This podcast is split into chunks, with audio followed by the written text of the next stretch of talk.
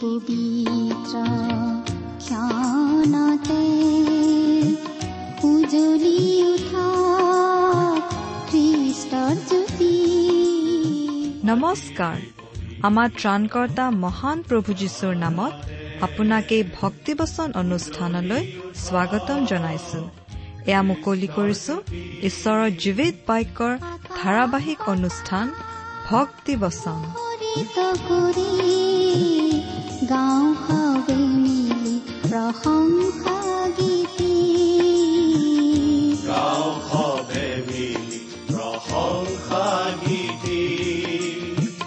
আজিৰে পবিত্ৰ ক্ষণতে উজলি উঠা আপোনাৰ জীৱনত যদি শান্তি পাব বিচাৰে তেন্তে এয়া ঈশ্বৰৰ বাক্যৰ সান্তনা বাক্য ভক্তি বচন।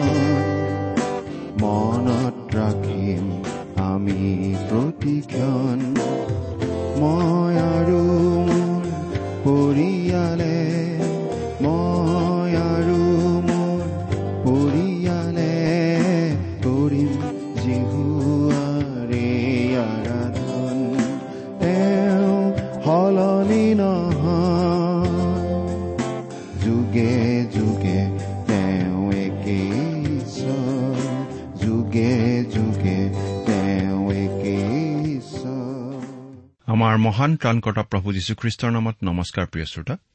আশা কৰো আপুনি আমাৰ মহান পিতা পৰমেশ্বৰৰ মহান অনুগ্ৰহত ভালে কুশলে আছে। লগতে এই বুলিও আশা কৰিছো যে আপুনি আমাৰ এই ভক্তিবচন অনুষ্ঠানটো নিয়মিতভাৱে শুনি আছে। আমাৰ বহুতো শ্ৰোতাই আমালৈ চিঠি লিখে। এই অনুষ্ঠান শুনি উপকৃত হোৱা বুলি বহুতে আমাক জনায়। তেনেকুৱা চিঠিবোৰে আমাক কাম কৰি যাবলৈ যথেষ্ট উৎসাহ যোগায়। আপুনি বাৰু কেতিয়াবা আমালৈ চিঠি লিখিছেনে? অনুগ্ৰহ কৰি আজি এই দুখাৰিমান লিখি পঠিয়াবচোন। এই অনুষ্ঠান যোগে প্ৰচাৰ কৰা কোনো কথা অধিককৈ বুজিবলগীয়া থাকিলেও আমালৈ লিখিব পাৰে। আমাৰ ঠিকনা? ভক্তিবচন টি ডাব্লিউ আৰ ইণ্ডিয়া ডাক বাকচ নম্বৰ সাত শূন্য গুৱাহাটী সাত আঠ এক শূন্য শূন্য এক। ঠিকনাটো আৰু এবাৰ কৈছো ভক্তিবচন টি ডাব্লিউ আৰ ইণ্ডিয়া ডাক বাকচ নম্বৰ সাত শূন্য গুৱাহাটী সাত আঠ এক শূন্য শূন্য এক। আহকচোন আজিৰ বাইবেল অধ্যয়ন আৰম্ভ কৰাৰ আগতে খন্তেক প্ৰাৰ্থনাত মূৰ দুৱাওঁ। আমি প্ৰাৰ্থনা কৰো। আমাৰ স্বৰ্গত থকা মৰমীয়াল পিতৃ ঈশ্বৰ তোমাক ধন্যবাদ জনাওঁ কাৰণ তোমাৰ মহান বাক্য বাইবেল শাস্ত্ৰ অধ্যয়ন কৰিবলৈ তুমি আমাক আকৌ এটা সুযোগ দান কৰিছা। তোমাক শতকোটিবাৰ ধন্যবাদ জনাওঁ কাৰণ তুমি তোমাৰ একেজাত পুত্ৰ যীশুখ্ৰীষ্টৰ জৰিয়তে আমালৈ অনন্ত জীৱনৰ আশীৰ্বাদ বিনামূল্যে আগবঢ়াইছা। এতিয়া আহা পিতা তোমাৰ বাক্য তুমিয়েই আমাক বুজাই দিয়া। আমাৰ মৰমৰ শ্ৰোতাসকলক উপচি পৰাকৈ আশীৰ্বাদ কৰা। তেওঁলোকৰ সকলো প্ৰয়োজনৰ কথা তুমিহে ভালদৰে জানা আৰু সেই সকলো তুমিয়েই পূৰণ কৰা। কিয়নো এই প্ৰাৰ্থনা আমাৰ মহান ত্ৰাণকৰ্তা প্ৰভু যীশুখ্ৰীষ্টৰ নামত আগবঢ়াইছো।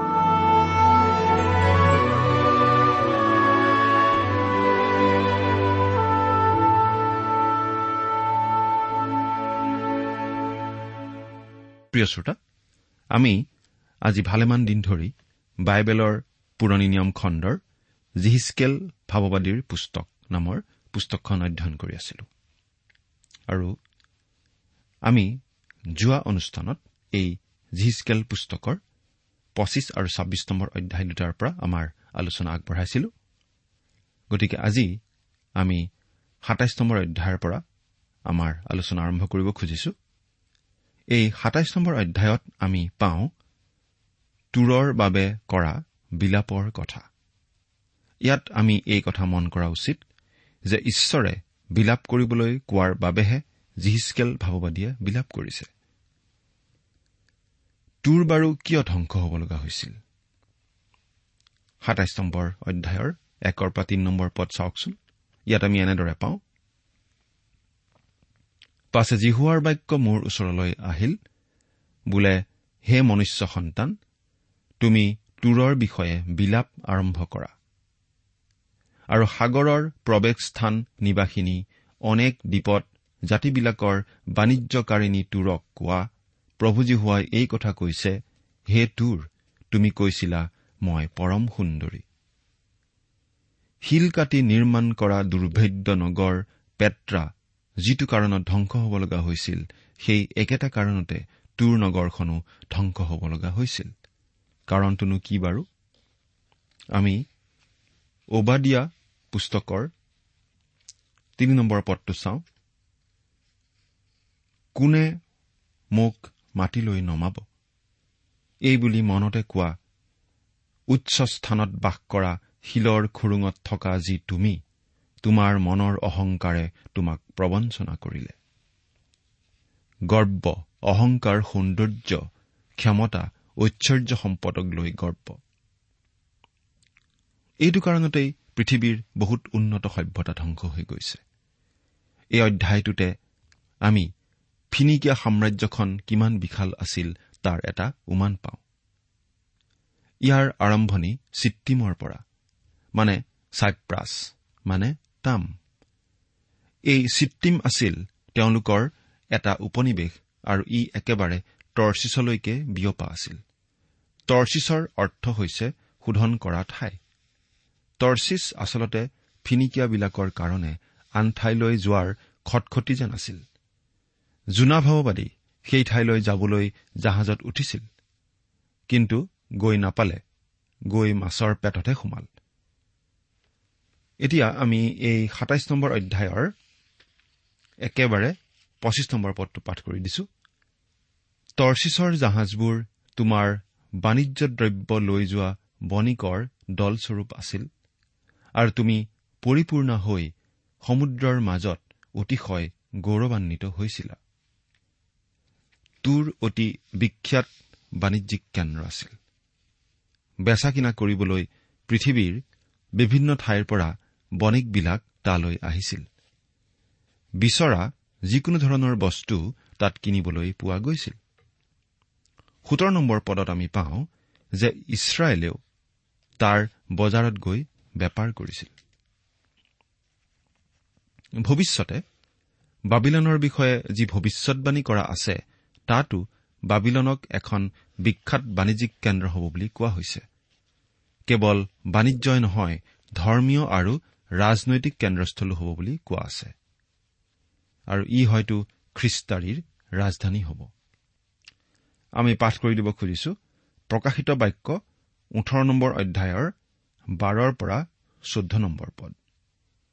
কিয়নো তেওঁবিলাকৰ বাণিজ্য দ্ৰব্য অৰ্থাৎ সোণ ৰূপ বহুমূলীয়া মণি মুকুতা সন সূতাৰ মিহি কাপোৰ বেঙেনা বৰণীয়া কাপোৰ পাট কাপোৰ সেন্দুৰ বৰণীয়া কাপোৰ চন্দন আদি কাঠ হাতী দাঁতৰ আটাই পাত্ৰ আৰু বহুমূল্য কাঠৰ পিতলৰ লোহাৰ আৰু মৰ্মৰ শিলৰ সকলো পাত্ৰ ডালচেনী এলাচি ধূপ সুগন্ধি তেল ধূনা এঠা দ্ৰাক্ষাৰস তেল মিহি আটাগুৰি ঘেঁহু ধান মেৰ ঘোঁৰা আদি পশু ৰথ বন্দী আৰু মানুহৰ প্ৰাণ তেওঁবিলাকৰ এই সকলো দ্ৰব্য কোনেও নিকিনে আৰু। আৰু তোমাৰ প্ৰাণৰ অভিলষিত ফলবোৰ তোমাৰ পৰা গুচিল আৰু সকলো শোভাজনক আৰু উজ্জ্বল বস্তু তোমাৰ পৰা নষ্ট হৈ গ'ল। মানুহে সেইবোৰ আৰু কেতিয়াও নাপাব। তোৰ আছিল এখন আমোদ প্ৰমোদ লাহবিলাহৰ কেন্দ্ৰস্থল। কিন্তু কালক্ৰমত সকলো নোহোৱা হৈ গ'ল কাৰণ ঈশ্বৰে দণ্ড দিলে। গতিকে এতিয়া আমি সেই নগৰৰ বিষয়ে বিলাপ কৰাহে ইয়াত দেখিবলৈ পাইছো। শেষকালতো ঠিক তেনে ঘটিব। আজিৰ বাণিজ্য ব্যৱসায় অৰ্থ ব্যৱস্থা সকলোৰে পতন হ'ব। মানুহে বুজিব যে অস্থায়ী ধন সম্পত্তিয়ে নিৰাপত্তা দিব নোৱাৰে। ছাব্বিছৰ পৰা ছয়ত্ৰিশ নম্বৰ পদলৈকে আমি একেলগে পাঠ কৰি দিম। তোমাৰ বঠা বাওঁতাবোৰে তোমাক মহাজলসমূহৰ মাজলৈ লৈ গ'ল। পূবৰ বতাহে সমুদ্ৰৰ মাজত তোমাক ভাঙিলে।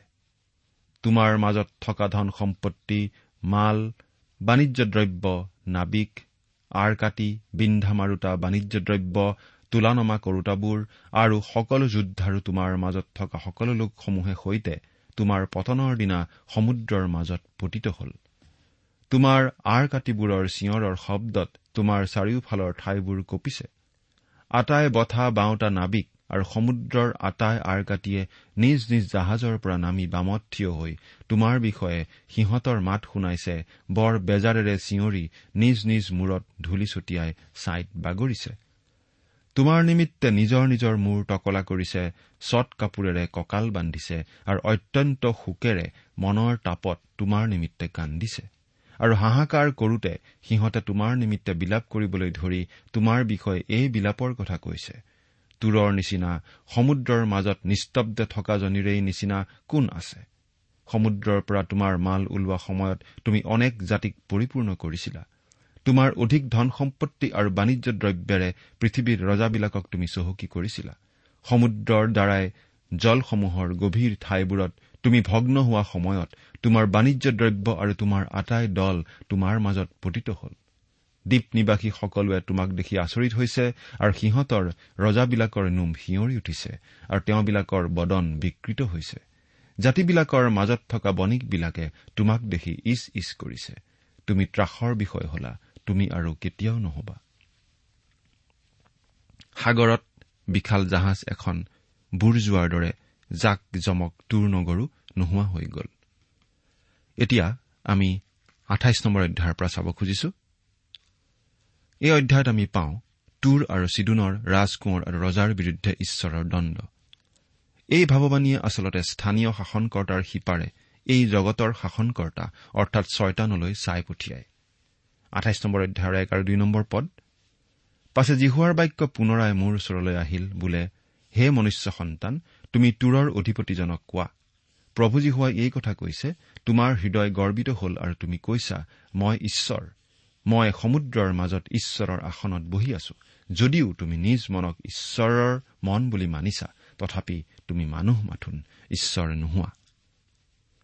আকৌ প্ৰভুৰ বাক্য জিহিচকেললৈ আহিল।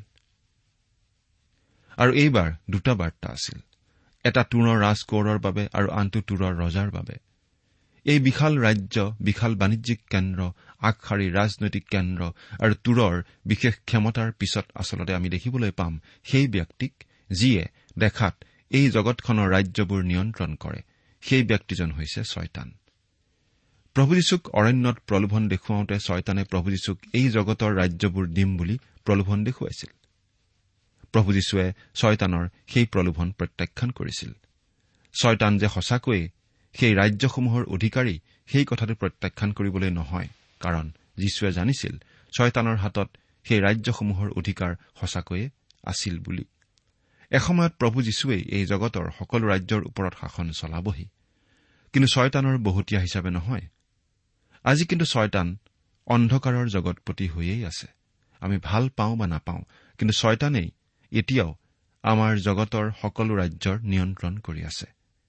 ইয়াতেই আমি খ্ৰীষ্টাৰীৰ এটা ৰূপ দেখা পাওঁ। আচলতে খ্ৰীষ্টাৰীৰ বিষয়ে শাস্ত্ৰত যিখিনি কথা কোৱা হৈছে সেইখিনি ফলিয়াবৰ বাবে দুজন ব্যক্তিৰ প্ৰয়োজন। জোহনে আমাক জনাইছে অনেক খ্ৰীষ্টাৰেই আছে বুলি। এজনে খ্ৰীষ্ট বোলা ব্যক্তিজনকেই অস্বীকাৰ কৰি তেওঁৰ বিৰোধিতা কৰিব আৰু আনজনে খ্ৰীষ্টক নকল কৰিব। এজন হ'ব ধৰ্মীয় শাসনকৰ্তা আৰু আনজন হ'ব ৰাজনৈতিক শাসনকৰ্তা। এতিয়া আমি জিহিচকেল পুস্তকত পাইছো দুয়োটাৰ সমন্বয়। ইয়াতে আমি পাইছো ছয়তানৰ সোঁহাত স্বৰূপ শাসনকৰ্তাৰ কথা। তোমাৰ হৃদয় গৰ্বিত হ'ল। আৰু তুমি কৈছা মই ঈশ্বৰ। খ্ৰীষ্টাৰীয়ে ঠিক এনেদৰেই কব। আৰু তোৰৰ অধিপতিজনে এই বুলি কৈছে মই সমুদ্ৰৰ মাজত ঈশ্বৰৰ আসনত বহি আছো। কিন্তু ঈশ্বৰে কৈছে তথাপি তুমি মানুহ মাথোন ঈশ্বৰ নোহোৱা। তিনি নম্বৰ পদ। চোৱা তুমি দানিয়েলতকৈ জ্ঞানী। লোকে তোমাৰ পৰা লুকুৱাই ৰাখিব পৰা কোনো গুপুত কথা নাই। ইয়াত আকৌ দানিয়েলৰ উল্লেখ আমি পাওঁ। আপোনাৰ নিশ্চয় মনত আছে যে জিহিচকেল আৰু দানিয়েল সমসাময়িক লোক আছিল। এই ডেকা জিহিচকেলে দানিয়েলক যথেষ্ট সন্মান কৰিছিল। সেই দানিয়েল আছিল বাবিল দেশত প্ৰধানমন্ত্ৰী। আৰু তেওঁ সদায় প্ৰভুৰ হকে থিয় দিছিল। আমি ভাবো যে জিহিচকেলৰ কামটো অতি টান কাম আছিল। তেওঁ বাবিলত বন্দী হৈ থকা লোকবিলাকৰ মাজতেই বাস কৰিছিল আৰু সেই বন্দীত্বত থকা লোকবিলাকৰ আগতেই এই বাৰ্তা বিলাব লগা হৈছিল। আমি আগতেও কৈছো যে আমি ৰাজপ্ৰসাদত জীৱন কটাই মাত্ৰ এটা ৰাতি সিংহৰ গঁড়ালত কটাবলৈও কিজানি ভাল পালোহেঁতেন। সেই বন্দী অৱস্থাত থকা লোকবিলাকৰ মাজত কাম কৰাতকৈ। কিন্তু এই ক্ষেত্ৰত জিহিচকেলৰ একো গত্যন্তৰ নাছিল। ইয়াত জিহিচকেলে দানিয়েলৰ জ্ঞানৰ কথা কৈছে। জিহিচকেলে এই বুলি কৈছে যে তুৰৰ অধিপতিজন যথেষ্ট বুদ্ধিমান আছিল। সেই কালত জ্ঞানী মানুহ নাছিল বুলি ক'লে ভুল কোৱা হ'ব। আমি ভাবো যে সেই সময়ৰ জ্ঞানী মানুহবোৰৰ আগত আজিৰ আধুনিক যুগৰ তথাকথিত জ্ঞানী পণ্ডিতবোৰ ফুকলীয়া লৰাৰ নিচিনাহে হ'ব। জিহিচকেলৰ দিনৰ ডাঙৰ আৰু মহৎ লোকবোৰ প্ৰকৃততেই জ্ঞানী মানুহ আছিল। এতিয়া আমি এই কথাটো বিশ্বাস কৰো যে এই তুৰৰ অধিপতিজনে খ্ৰীষ্টাৰীৰ ধৰ্মীয় শাসনকৰ্তাৰ ৰূপটোৰ প্ৰতিনিধিত্ব কৰে। আৰু আমি ভাবো সেইজন খ্ৰীষ্টাৰী ইছৰাইলৰ মাজৰ পৰাই ওলাব। ৰাজনৈতিক শাসনকৰ্তা খ্ৰীষ্টাৰীজন জগতৰ জাতিসমূহৰ সমুদ্ৰৰ পৰাই ওলাই আহিব। আমি ভাবো তেওঁ হ'ব এজন পৰজাতীয় লোক। তেওঁৰ পৰামৰ্শদাতা অৰ্থাৎ সেই ধৰ্মীয় শাসনকৰ্তাজন আহিব ইছৰাইলৰ পৰা। সেই ধৰ্মীয় শাসনকৰ্তাজন ৰাজনৈতিক শাসনকৰ্তাজনৰ প্ৰধানমন্ত্ৰীৰ নিচিনা হ'ব।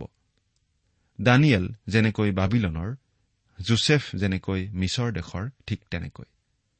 এই ধৰণৰ উদাহৰণ হয়তো দিয়াটো ঠিক নহবও পাৰে কিন্তু এই ব্যক্তিত্বক বুজাবলৈ এই উদাহৰণে নিশ্চয় আমাক সহায় কৰিব। এতিয়া আমি এই আঠাইছ নম্বৰ অধ্যায়ৰ এঘাৰ নম্বৰ পদটো পাঠ কৰি দিছো। ইয়াত আমি এনেদৰে পাওঁ। পাছে জিহুৱাৰ বাক্য মোৰ ওচৰলৈ আহিল বোলে জিহিচকেলে এই কথাটো আমাক পাহৰিবলৈ দিয়া নাই যে তেওঁ নিজৰ মতামত দিয়া নাই কিন্তু ঈশ্বৰৰ বাৰ্তাহে জনাই আছে। তুৰ নগৰখনৰ বিষয়ে বিলাপ এটা আমি ইতিমধ্যেই পালো। আমি তুৰৰ ৰাজকোঁৱৰৰ বিষয়েও আলোচনা কৰিলো। আৰু এতিয়া আমি তুৰৰ ৰজাৰ বিষয়ে কৰা বিলাপৰ কথালৈ আহিছো। আমি আচলতে লগে লগে তুৰৰ স্থানীয় শাসনকৰ্তাৰ কথাৰ পৰা পাৰ হৈ যাওঁ তেনে স্থানীয় শাসনকৰ্তা বহুতো আছিল। সেই সময়ত ৰজা হোৱাটো কোনো নিৰাপদ কথা নাছিল। যাৰ মূৰত মুকুট থাকে সেইজনৰ মনত সদায় সংশয় থাকে। ৰজাৰ গৌৰৱ বেছিদিন স্থায়ী নহয় জগতৰ গৌৰৱ এনেদৰেই নোহোৱা হৈ যায়। তুৰৰ সাম্ৰাজ্যখনৰ মূলতেই আছিল কিন্তু ছয়তান।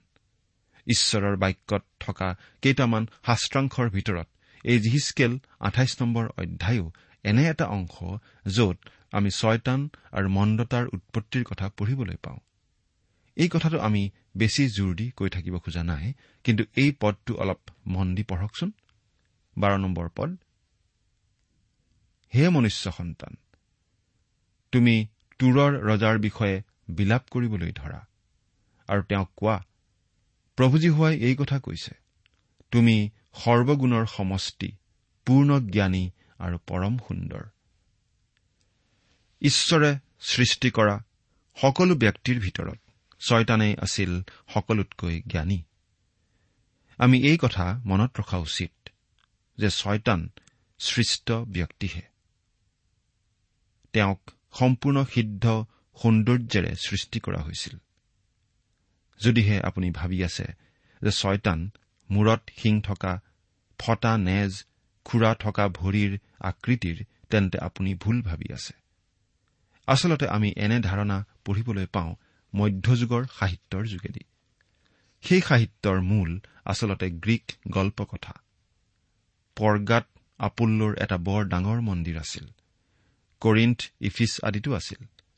আচলতে ছয়তানৰ এই বৰ্ণনাটো পেন নামৰ দেৱতা অথবা বেকাছ নামৰ উপভোগৰ দেৱতাৰ পৰাহে আহিছে। সেই দেৱতাৰ শিং আছে আৰু সেই দেৱতাই আঙুৰৰ বাৰীৰ মাজে মাজে দৌৰি ফুৰে। সেই দেৱতা হৈছে দ্ৰাক্ষা সুৰা আদিৰ দেৱতা।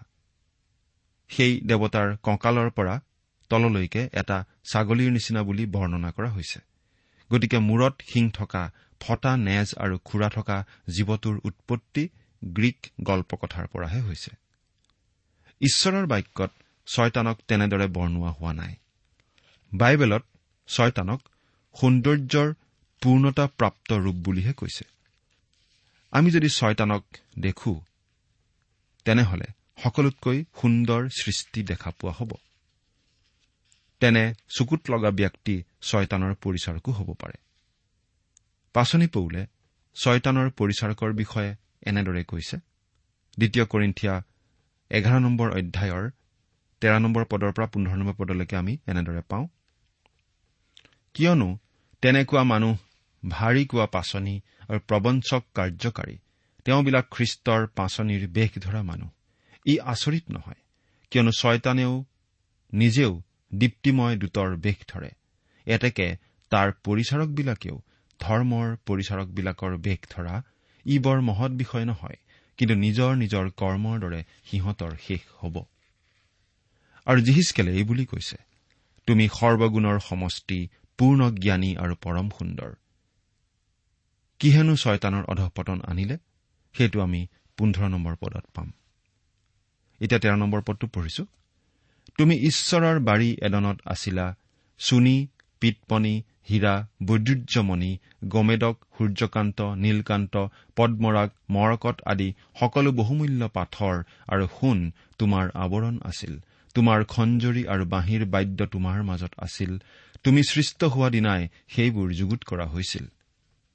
তুমি ঈশ্বৰৰ বাৰী এদনত আছিলা। তোৰৰ কোনো ৰজা এডেনবাৰীত নাছিল। সকলো বহুমূল্য পাথৰ তোমাৰ আৱৰণ আছিল। তেওঁ কেনে সুন্দৰ ব্যক্তি আছিল কল্পনা কৰিব পাৰিবনে? তোমাৰ খঞ্জৰি আৰু বাঁহীৰ বাদ্য তোমাৰ মাজত আছিল। অৰ্থাৎ ছয়তানে সুন্দৰ বাদ্য বাজনা বজাব পাৰিছিল। নিজেই সংগীতস্বৰূপ আছিল। এই পৃথিৱীত সংগীত ক'ৰ পৰা উৎপত্তি হ'ল জানেনে? আদি পুস্তক চাৰি নম্বৰ অধ্যায়ৰ এঘাৰ নম্বৰ পদ চালে দেখিব যে কৈনৰ বংশৰ পৰাই সংগীতৰ উৎপত্তি হ'ল। ছয়তান সংগীতজ্ঞ আছিল। চৈধ্য নম্বৰ পদ। তুমি ঢাকি ধৰোতা অভিষিক্ত কৰোব আছিলা।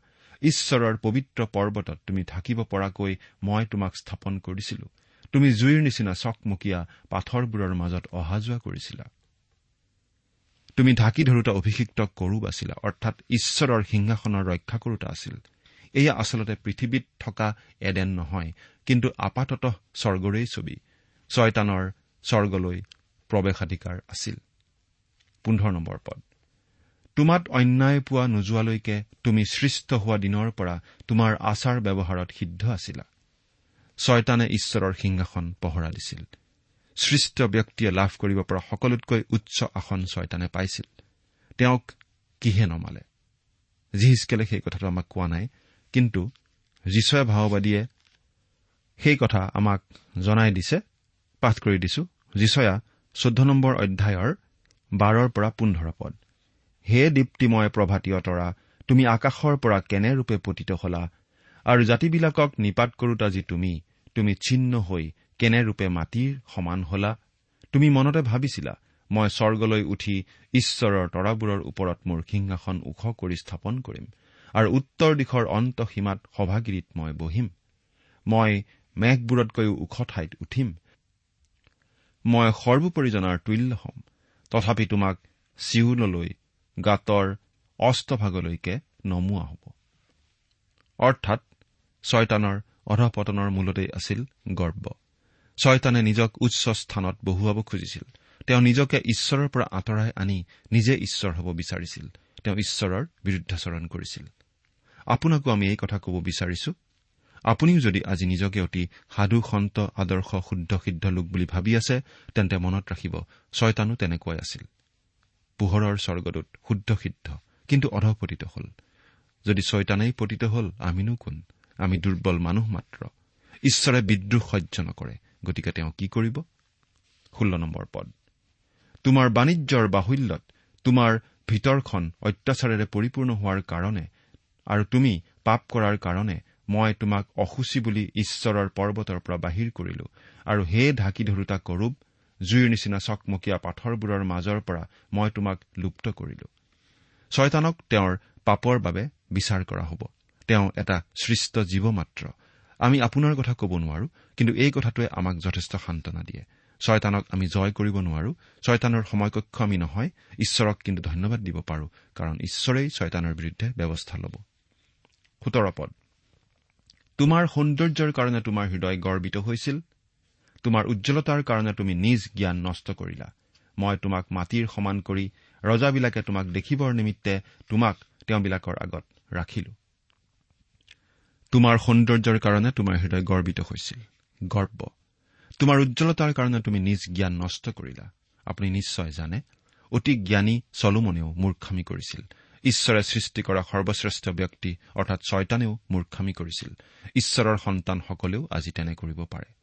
মই তোমাক মাটিৰ সমান কৰি ৰজাবিলাকে তোমাক দেখিবৰ নিমিত্তে তোমাক তেওঁবিলাকৰ আগত ৰাখিলো। ঈশ্বৰে এদিন ছয়তানক সকলোৰে চকুত পৰাকৈ বিচাৰ কৰিব। জাতিবিলাকৰ মাজত তোমাক জনা সকলোৱেই তোমাক দেখি বিস্ময় মানিছে। তুমি ত্ৰাসৰ বিষয় হলা তুমি আৰু কেতিয়াও নহবা।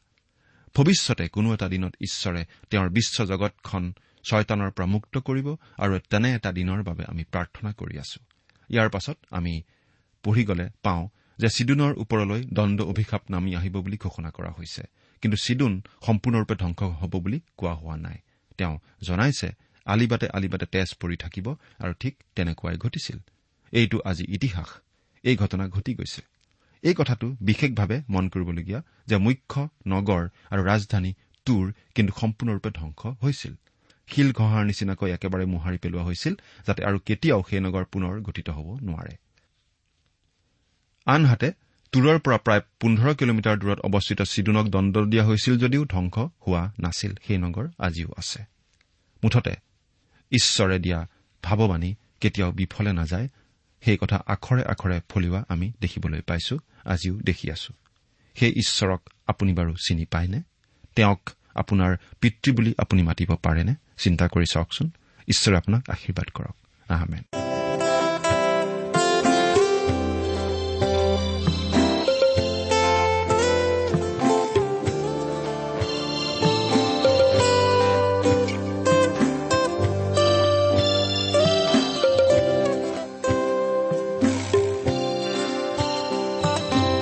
আহিব পাৰে। ধুমুহা জীৱনৰ শত প্ৰলোভন ছয়টা ইমান পৰে আপুনি ভক্তিবচন অনুষ্ঠানটি শুনিলে। অনুষ্ঠানটি শুনি কেনে পালে? আমালৈ চিঠি লিখি জনাবচোন। অনুষ্ঠানত প্ৰচাৰ কৰা কোনো কথা বুজিব লগা থাকিলেও আমালৈ লিখক। আমাৰ ঠিকনা ভক্তিবচন টি ডাব্লিউ আৰ ইণ্ডিয়া ডাক পাকচ নম্বৰ সাত শূন্য গুৱাহাটী সাত আঠ এক শূন্য শূন্য এক। ঠিকনাটো আৰু এবাৰ কৈছো ভক্তিবচন টি ডাব্লিউ আৰ ইণ্ডিয়া। ডাক পাকচ নম্বৰ সাত শূন্য গুৱাহাটী সাত আঠ এক শূন্য শূন্য এক। আপুনি ইমেইল যোগেৰেও আমাৰ সৈতে যোগাযোগ কৰিব পাৰে। আমাৰ ইমেইল আইডিটো হৈছে Assamese T TV at radio' eight eight two dot com আইডিটো আকৌ এবাৰ কৈছো Assamese T TV at radio' eight eight two dot com আপুনি টেলিফোনৰ মাধ্যমেৰেও আমাক যোগাযোগ কৰিব পাৰে। আমাৰ টেলিফোন নম্বৰটো হৈছে শূন্য তিনি ছয় এক দুই ছয় শূন্য চাৰি ছয় সাত এক। ফোন নম্বৰটো আকৌ এবাৰ কৈছো zero' three six one two six zero' four six seven one আজিৰ অনুষ্ঠানটি ইমানতে সামৰিছো। ঈশ্বৰৰ শান্তি আৰু অনুগ্ৰহ আপোনাৰ লগত থাকক। ধন্যবাদ। সেয়েহে আমি গোটেই জীৱন কৰি তেওঁ সলনি নহয়। যুগে যুগে তেওঁ একেই যুগে যুগে তেওঁ ঈশ্বৰ আজিয়েই